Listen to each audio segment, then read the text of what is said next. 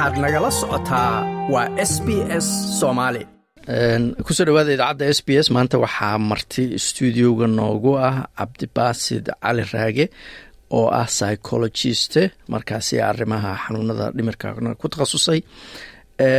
Cabdibaasid ku soo dhawo horta idaacadda s b s. Xasan aad iyo aad u mahadsan tahay s b s ba.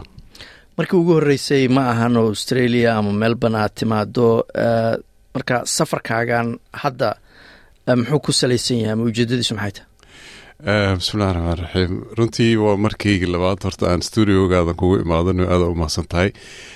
Safarkan runtii laba shay ayuu ku saabsan yahay. Midna waa master class course aan bixiyo oo dadka professionalka ah runtii cid kasta oo rabto inay investment isku samaysaan uu sameeyey.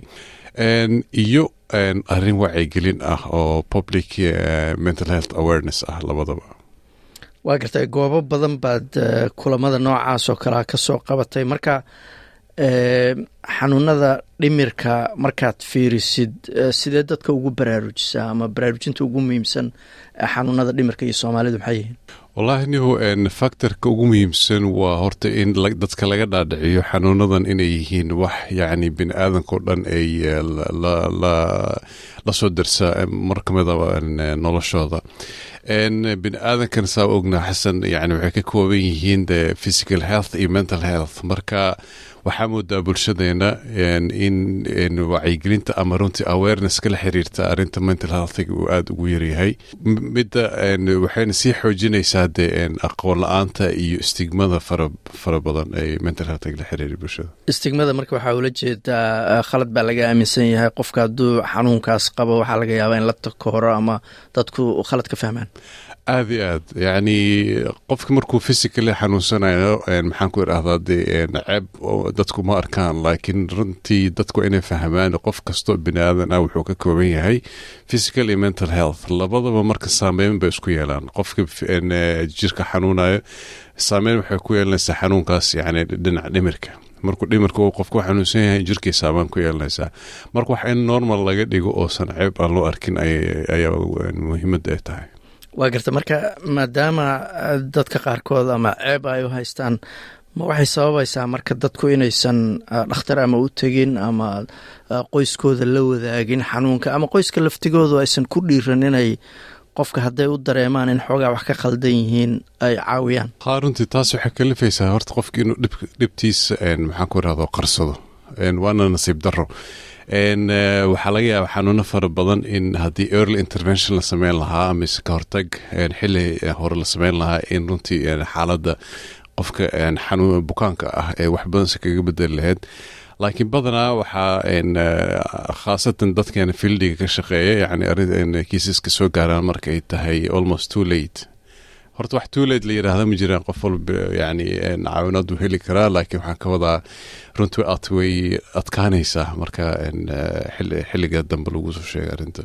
Waa garta caadiyan qofka markii xanuunkaas ama lagu sheega ama caawimaad u raadsanayo wuxuu u tagaa dhakhtar adigoo kalaahoo psychologista iyo mid kaloo psychiatrist la yidhaahdo maxay ku kala duwan yihiin labadaas dhakhtar? Ha horta qofka dadkan dhegeysanaya runtii haddii aad horta wax iska dareento horta uga waxa inaad bini aadan tahay oo runtii bini aadan wax dareemaya tahay dhakhtarka g b ga mar walba u tegi kartaa waana lada tashan kartaa psychiatrist iyo psychologist waxay ku kala duwan yihiin? Psychiatristiga waa dhakhtarka daawooyinka qofka u qori kara oo asalkiisa waa medical doctor qofka noocaas ah marka psychologistna wuxuu dadku ku daaweeyaa hadalka psychiatrina medicine iyo hadal insha allah waa gartay ma jiraan xogo ama tirakoobiyo sheegaya noocyada dhimirka ee soomaalida matalan ku badan?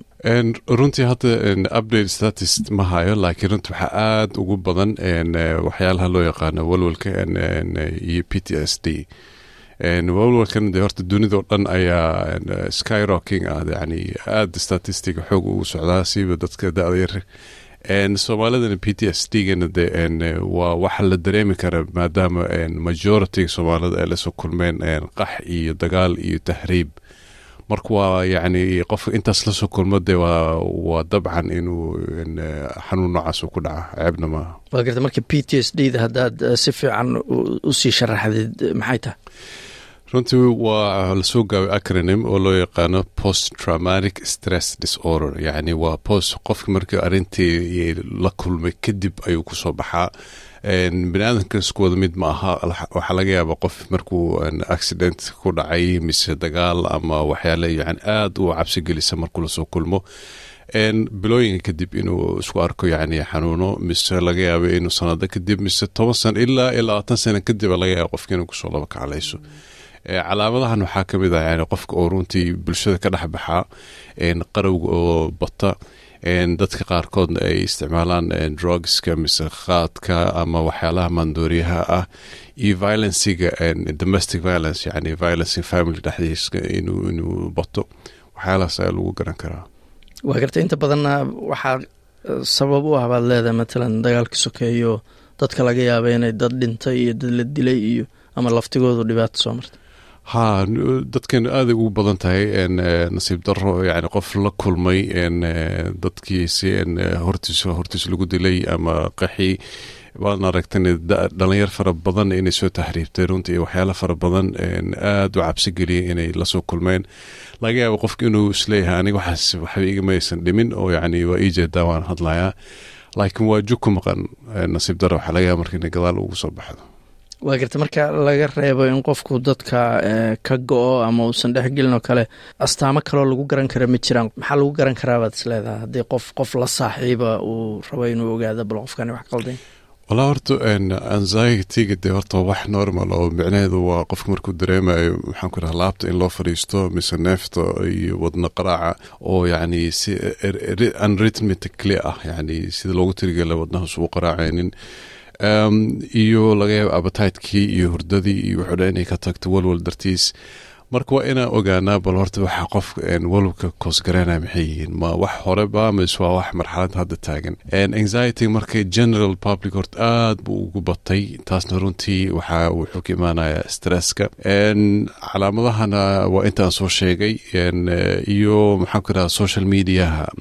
Runtii uma samaysna de maskaxdeena in intaasoo video oo intaasoo dareemo kala duwan. Qofka ku kicinayo inuu yani sakana gudaheed waxaa laga yaaba inaad dhowr video aad ku daawato oo intaba ay emotiono kala duwan ay wateen.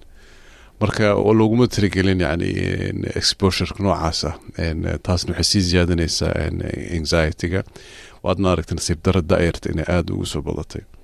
Waa garta marka waxaa leedahay waxyaalahan baraha bulshada hadda soomaalidu aada ugu badan tahay. Laftigooda dhibaatadayba qeyb ka sii qaadan kartaa dabcan haa marka maskaxda runtii information aada u fara badan ayay process garaysaa. Marka waxaa loo baahan yahay qofka marka uu nasanayo runtii inuu wax walba ka nasto inuusan u fikirin marka aan saaranahay laakiin mobileka fiirsanayo inaan marxalad nasiinaan ku jiro. Laakiin inuu u fikiro runtii weli activation ziyaadaha ayaa socda. Marka mobileka iyo t v-ga iyo waxla hadduu iska yaraan karo at least ten minutes runtii faa'iido weyn inay u sameynaysaa caafimaadkiisa waa gartay kulamada aada sabtidan iyo axaddan ama asbuucan dabayaaqadiisa aad ku qaban doonto magaalada melbourne. Maxay yihiin xaggeese ku qabanaysaa maxayse dadku fili karaan ada yimaadaan? Horta kulanka koowaad waa kulan sabtida dhici doona uu ka dhici doona hotelka ebis ee glen wavery ku yaalo runtii kaas waa khaas wuxuu u yahay dadka u diyaarka ah master class. Ujeedada kulankaasna wuxuu yahay in aan bal horta aan wax ka barano maskaxdeena sida u shaqeyso si uu qofka u arko yani inay tahay valuable tool mise qalab runtii aada muhiim uga ah. Iyo sida qofka u challenge gareen lahaa nolosha uu ku nool yahay.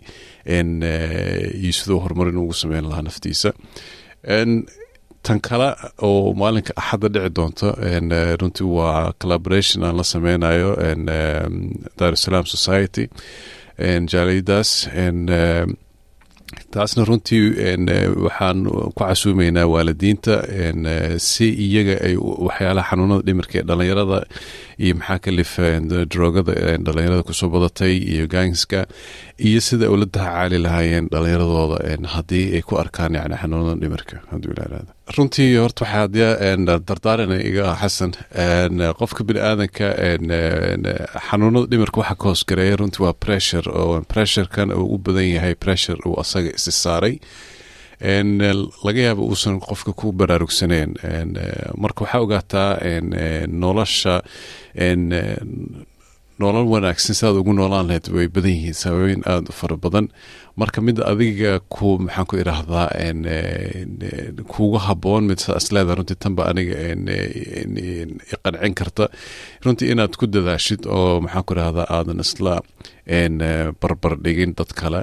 Dad kale inspiration u qaado laakiin ogow ina adiga tahay shaqsi khaas ah oo qof adig kula midna adduunka usan ku nooleen qof walboo naga mid ahna inuu ku socdo timeline oo ilaahay subxaana wa tacaala u sameeyey.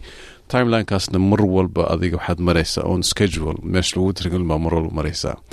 Marka inspiration dad kale ku noqdaan laakiin ma dhihi kartid iskumana ciili kartid yacni wixii laga soo tegey kamana shanlayn kartid oo ma dhihi kartid waay aansaan u sameyn waaye xilligaas.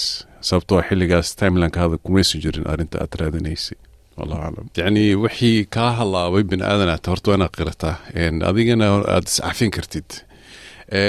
Wixii burburay waa inaad marka marxaladahaas kaa xumaaday inaad ugu soo baxdid adoo experienced ah sababtoo qofkii wixii la soo kulmay ayaa tahay si marka mustaqbalkana arrintaas camal aysan kuu qabsanin so you come out of it wiser hadduu ilah iraado kaasina wuxuu ahaa cabdibaasid cali raage oo nagu soo booqday stuudioganu ku leenahay magaalada melbourne. Cabdibaasid waa mahadsan tahay